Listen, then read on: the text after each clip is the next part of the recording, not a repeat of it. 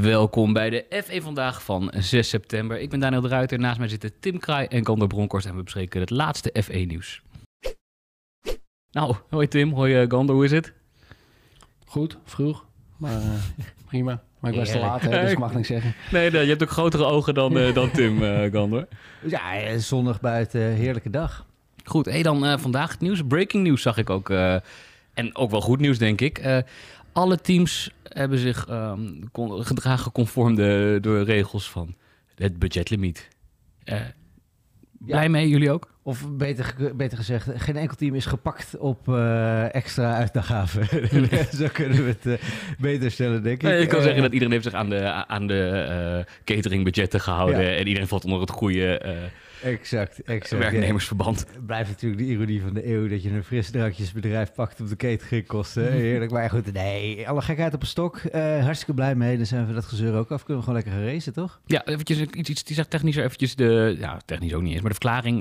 de VIA bevestigt dat Costcap Administration de beoordeling heeft afgerond van de documentatie die is ingediend door elke deelnemer van het VIA Wereldkampioenschap Formule 1. Uh, dit is met betrekking tot de volledige jaarrapportageperiode van 2022, eindigt op 31 december. De VIA Costcap Administration heeft aan alle tien deelnemers conformiteitscertificaten afgegeven.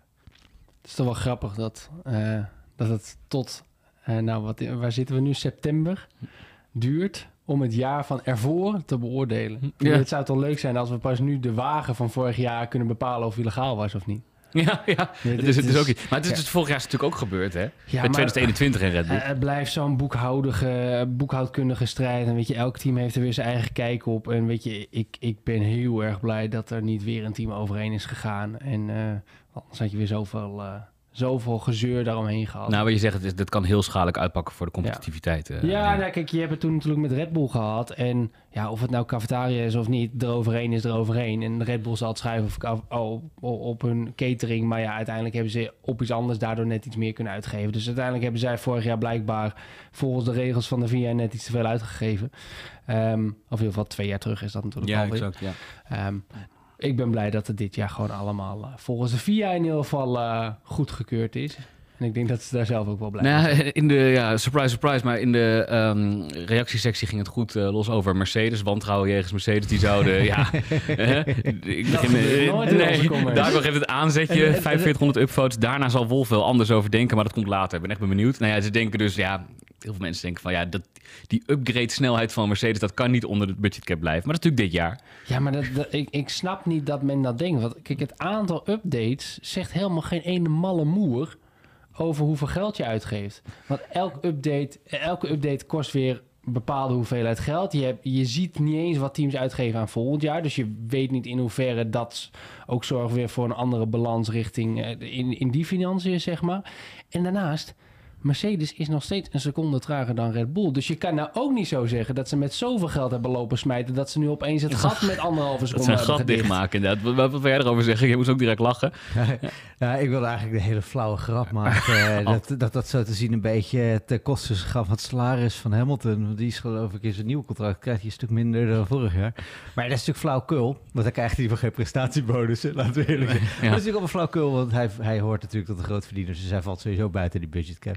Dus daar die grap een beetje inhield. Maar ik heb hem toch gemaakt. Ja, omdat ik, omdat ik hem ook wou hebben van je. Hey, dan gaan we naar het volgende nieuwtje. Uh, goed gelezen op de website. Uh, Vettel appte Verstappen na het verbreken van, ja, van zijn record. Hè. Uh, Verstappen heeft er tien op een rij, Vettel had er negen. Ik vond het heel sportief. De Telegraaf is te melden dat er WhatsApp-verkeer was geweest tussen de twee. Um, Vettel schijnt gezegd te hebben dat de Verstappen er vooral van moet blijven genieten. Bij zijn ja. woorden. Ja, nou, hij had vooraf ook al ge geappt, geloof ik. Van ja, pak nu maar door. Of uh, had, ja, klopt. had Marco of Horner geappt. Uh, met uh, ga dan nu ook maar voor voor 15, want dan uh, wordt het tenminste nooit meer verbroken. Of precies, ja, ik had opgeschreven, precies dat had hij ook al gezegd. En ja, sportief, hè? Waar, Absoluut, ja. Wat, een, van de grote persoonlijkheden van de sport. Nou, we hadden het al over, hè? Ontzettend leuk om te zien. Ja. ja. waarom is het zo leuk om te zien? Waarom wil iedereen... Dit is, er wordt toch echt van gesmuld van die, dat onder onsje tussen die twee. Ik bedoel, we hadden het er net al even over. Wat is dat dat Vettel zo groot maakt?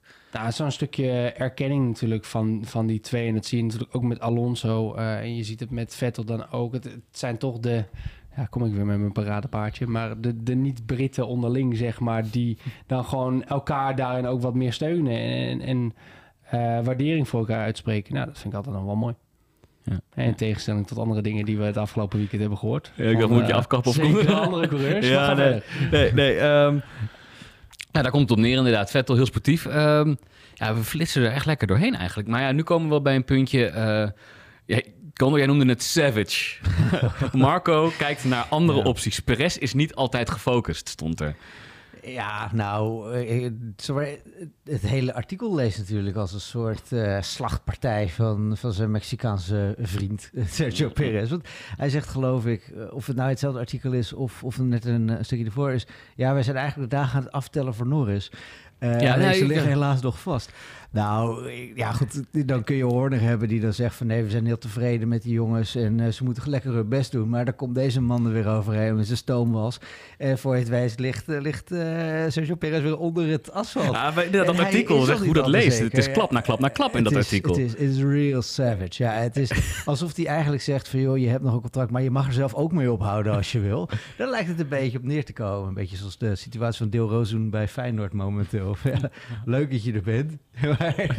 Daar hangen ze de shirtjes. Hey, ik, ik, ik, eh, ik citeer hem nog maar eventjes. Eh, eerste, eerste quote. Eh, Perez is niet consistent. Hij is niet altijd gefocust.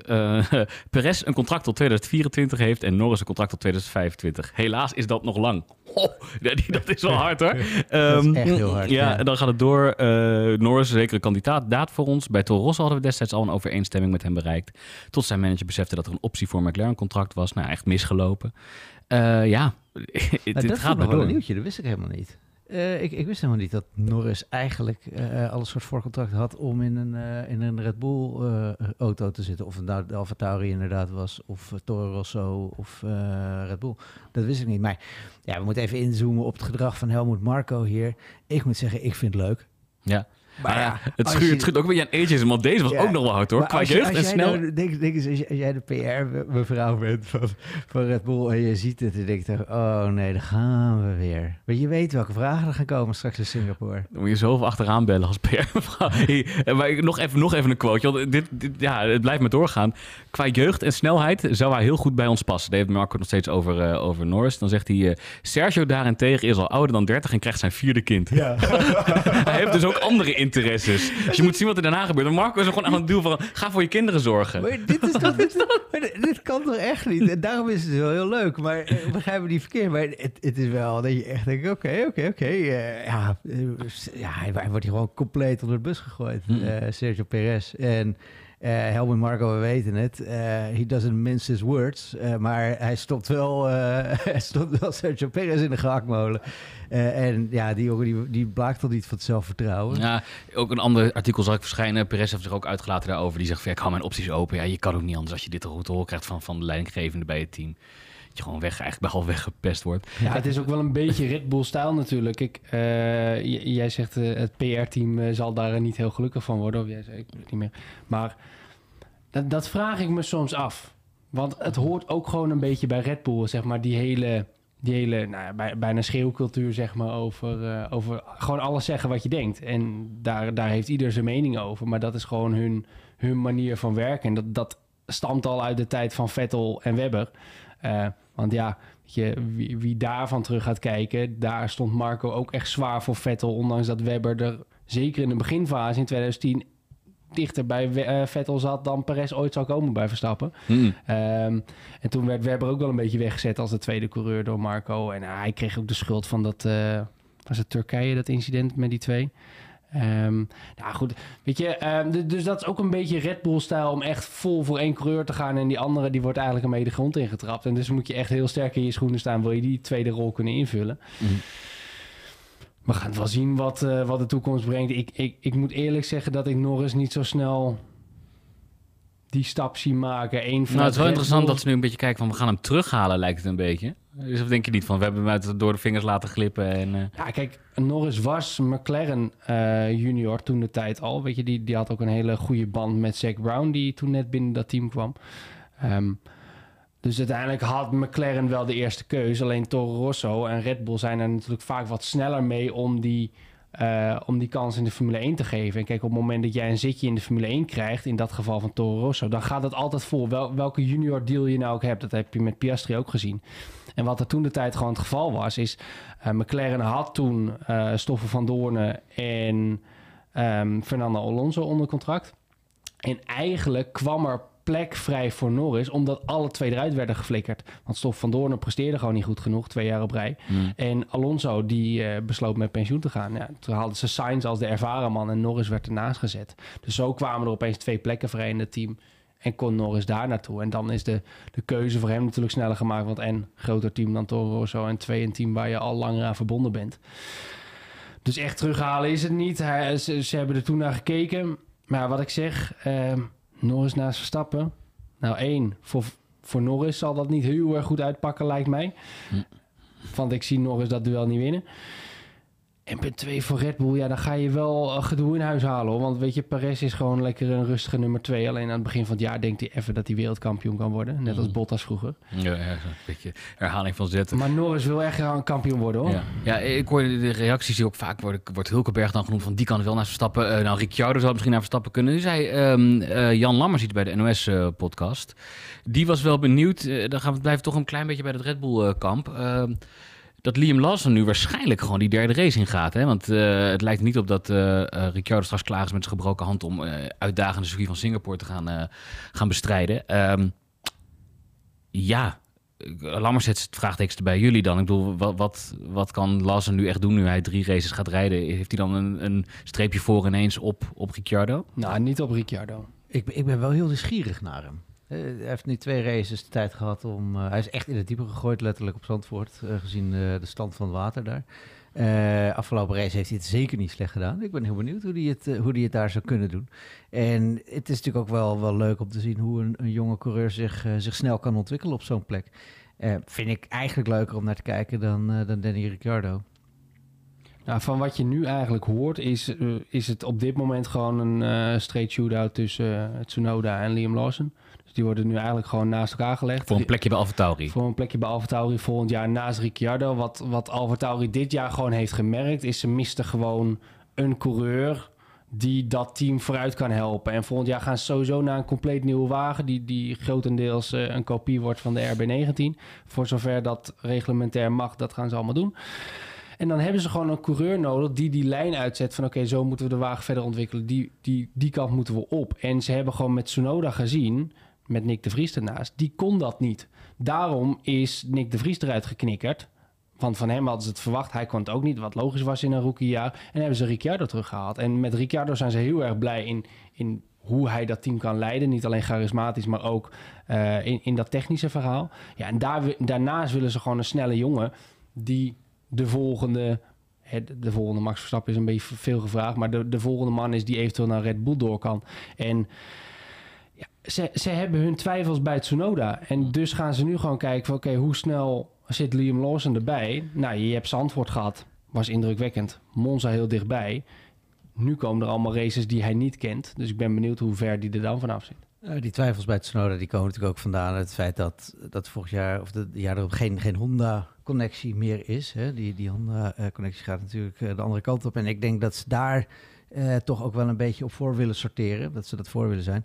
Eh, ik vind het een goed argument wat je net noemt over eh, Ricardo en die auto vooruit helpen. Hij weet natuurlijk als geen ander hoe, of nou ja, als geen ander is niet helemaal waar, maar hij weet natuurlijk heel goed hoe een Red, auto met Red Bull karakteristieken hoort te rijden. Dat En hij kan gezegd. die auto ook rijden. Het is zijn laatste echte glorieperiode geweest. Nou, dat zei Ja. hij ook na, na zijn tijd bij McLaren. En nu die weer in die AlphaTauri stapt. Wat een ongelooflijk groot verschil is het aanvoelen van die auto van McLaren en die van AlphaTauri.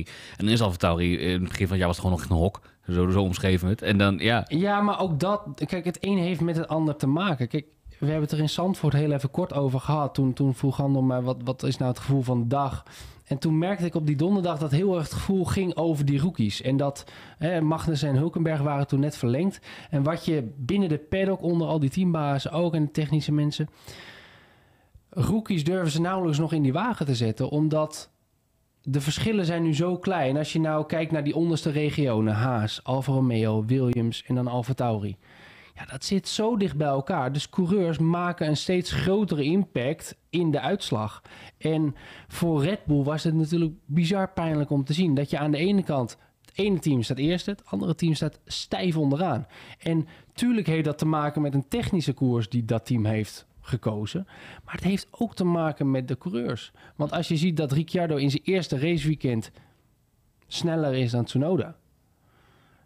Ja, dan zegt dat natuurlijk wel wat over de kwaliteit van coureurs. Ja. En als je dat dan gaat vergelijken met de ervaring die een Haas heeft... met Alfa Romeo die een Bottas dan al als kopman heeft... Ja, maar het zou op lange termijn wat schade kunnen zijn... dat je de, de aanwas van die rookies wat, wat eh, wordt gestagneerd daardoor. Andere kant, het is wel wat we altijd willen. La- laat die coureurs het, het verschil maken. Dat is wel mooi om te zien. Nou, ja, dat is wel. eh, Daarom heb ik het toen al wel een beetje opgegooid. Het is wel een probleem waar de Formule 1 mee kampt. Omdat je steeds minder kansen gaat geven. Als zelfs een Red Bull, Hm. wat, wat juist zoveel aandacht geeft aan talenten. Als die nu al gaan overwegen om zelfs één van de zitjes binnen, binnen hun jeugdteam te gaan vergeven aan een ervaren gast. Ja, dan, dan worden die plekken wel heel schaars. Je ziet het nu ook met een Theo Poucher. Die, die, die is op weg naar Formule 2-titel. Maar het begint er steeds meer op te lijken dat een Sauber gewoon een Guan Yu Zhou gaat vastleggen. Weet Ja. je, eh, het is... eh, ja, dat, dat is wel zorgwekkend. En, en dat betekent wel iets voor... Weet je, je, zou hopen dat de Formule 1 een manier gaat vinden... waarop dat soort talenten veel meer kunnen testen in de Formule 1... zonder dat teams daar weer van kunnen profiteren. Maar ja, weet je, dat, dat, is, Ja. Dat is echt een balans. eh, Ja, ik, het is vinden. heel interessant om te kijken naar wat er gaat gebeuren bij Las en eh Ricciardo, bij Aftalkie gewoon überhaupt. hey dan, eh, ik zag echt een, wel een gaaf technisch artikel, hè, de technische analyse van Francesco Bianchi. Moet ik van jou vragen, Tim, is dat wat wij meer kunnen verwachten? Het was een mooi uitgetekend, het was een hele technische analyse van de auto's, hoe de afstelling was Ferrari, Red Bull tussen de coureurs in eh, Italië. Ja, we gaan, eh, we gaan steeds meer de verdieping in. En inderdaad eh, is er nu iemand die, die voor ons wat meer technische tekeningen kan maken. En die heeft wel, nou, inderdaad wel een mooi stuk kunnen, kunnen maken voor de website. Waarin hij gewoon wat technische details heeft uitgelicht van ja, wat nou het verschil was tussen bepaalde setups van Verstappen en Perez. En ook wat Ferrari aan het doen was. Ehm, ja, dat, dat was.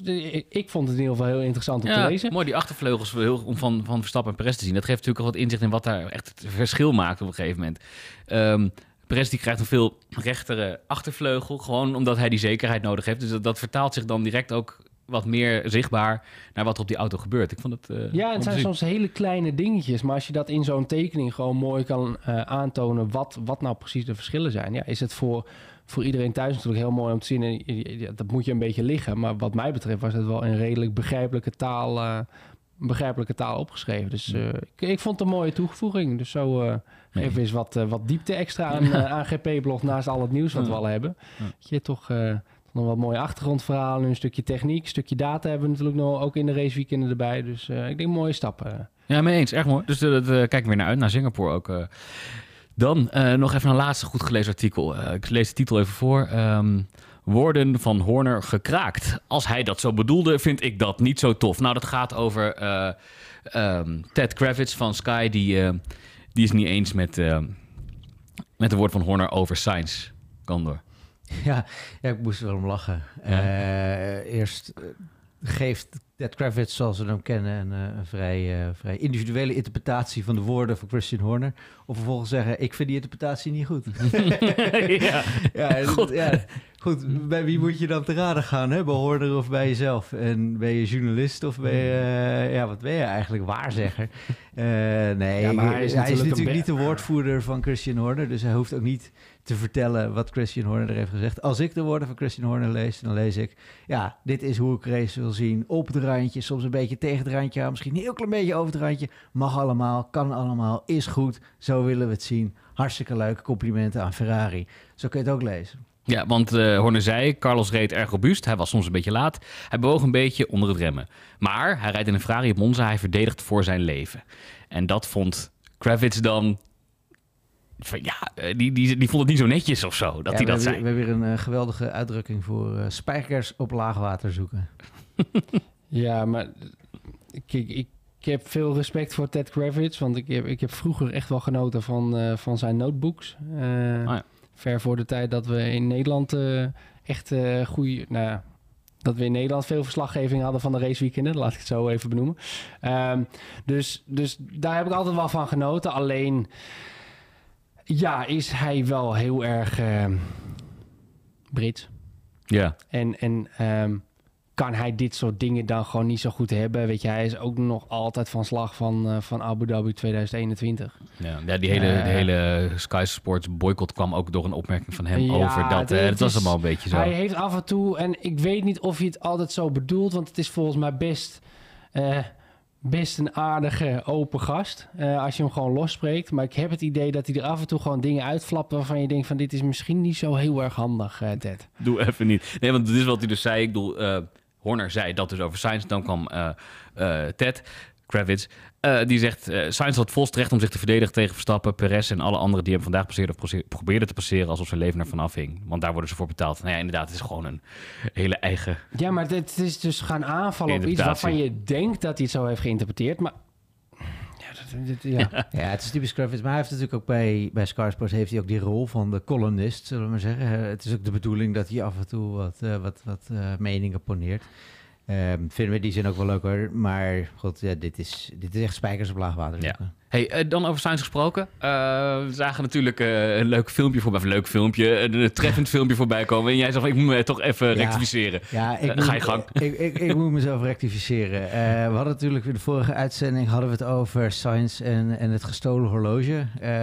Toen bagatelliseerde ik dat een beetje. Zou zeggen, het was toch gewoon zo'n security detail die erachter Van dat die coureurs gaan er niet achteraan, want het is toch gesponsord spul, zeg maar. Ja, het is toch een sponsor spul. en ja, het is toch alleen maar plastic, want het is het uiteindelijk.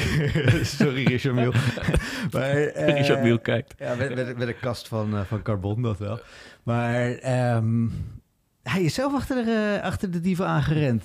En, en hij heeft zelf zijn horloge teruggehaald. Samen wel met, met het publiek en, en alles wat er omheen hangt. Maar ja, absoluut koningssigns vanaf nu. Koningssigns. Ja, mooi. Hij stond echt zo een uit, hij stond zo Ja, uit te puffen. uit, Zo. de- uit de eigen van zo. Hard Hoofd gewerkt tussen zijn vandaag. knieën. En Ja. daarnaast werd ook die man zo ingerekend. Ja, een mooie beelden. Ja, en ook fantastisch om te zien. Hè? Gewoon stil niet een horloge van iemand die, eh, die harder kan rennen dan jij. En Laten we zeggen dat het de sporter is.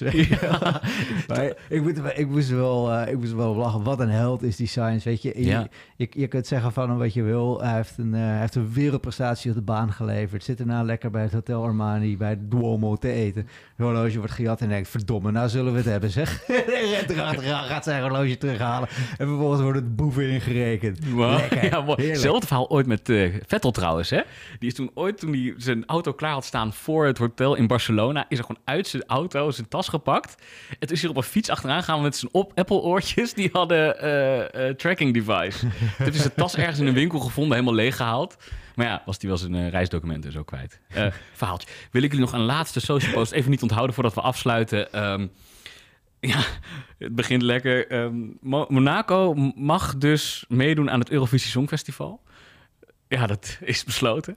En daar heeft... zitten in ik- de F1-podcast. Ja, Daniel. Ik weet niet of jij nog daar- daarnaast hebt. nee. Ik wil hiernaast lopen. Ik ben heel benieuwd waar je nu naartoe gaat. Als je nu je knotje eh, losgooit. en ik ga zeggen, ik, ik heb me opgegeven. Nee, nee, nee. nee ehm, weet jullie dat Charles Leclerc liedjes schrijft en maakt? ja, op de piano, toch? Ja, ja. En hij heeft eh eronder gereageerd, eh, hit me up eh, als we zover zijn. nou, wou ik even met jullie delen. Da- Daar ga ik hem even naar vragen. Ja, vraag hem maar naar. Eh, Ik denk dat wij, als hij meegaat, gaan ze ook winnen ook. Nou ja, ehm, eventjes wat luchtigs af, af te sluiten, jongens. Ja, we Eh, hebben wel gezien dat hij eh, in, in de zomervakantie met een soort boyband op pad was. Ja. Eh, hij heeft genoeg entourage, Boys. zeg maar. hè? Hij heeft ook echt wel zo'n boyband vibe. Ja. het Eurovisie Ja. Songfestival is wel mooi, die boybands, toch? Eh, ja, dat eh, lijkt me wel een Charles et les garçons. mooi. Charles en de- Ferraris. Nou, dit was de, de F1 vandaag van eh, 6 september. Dank jullie wel voor het kijken en luisteren. En jullie ook heel erg bedankt voor het hier zijn.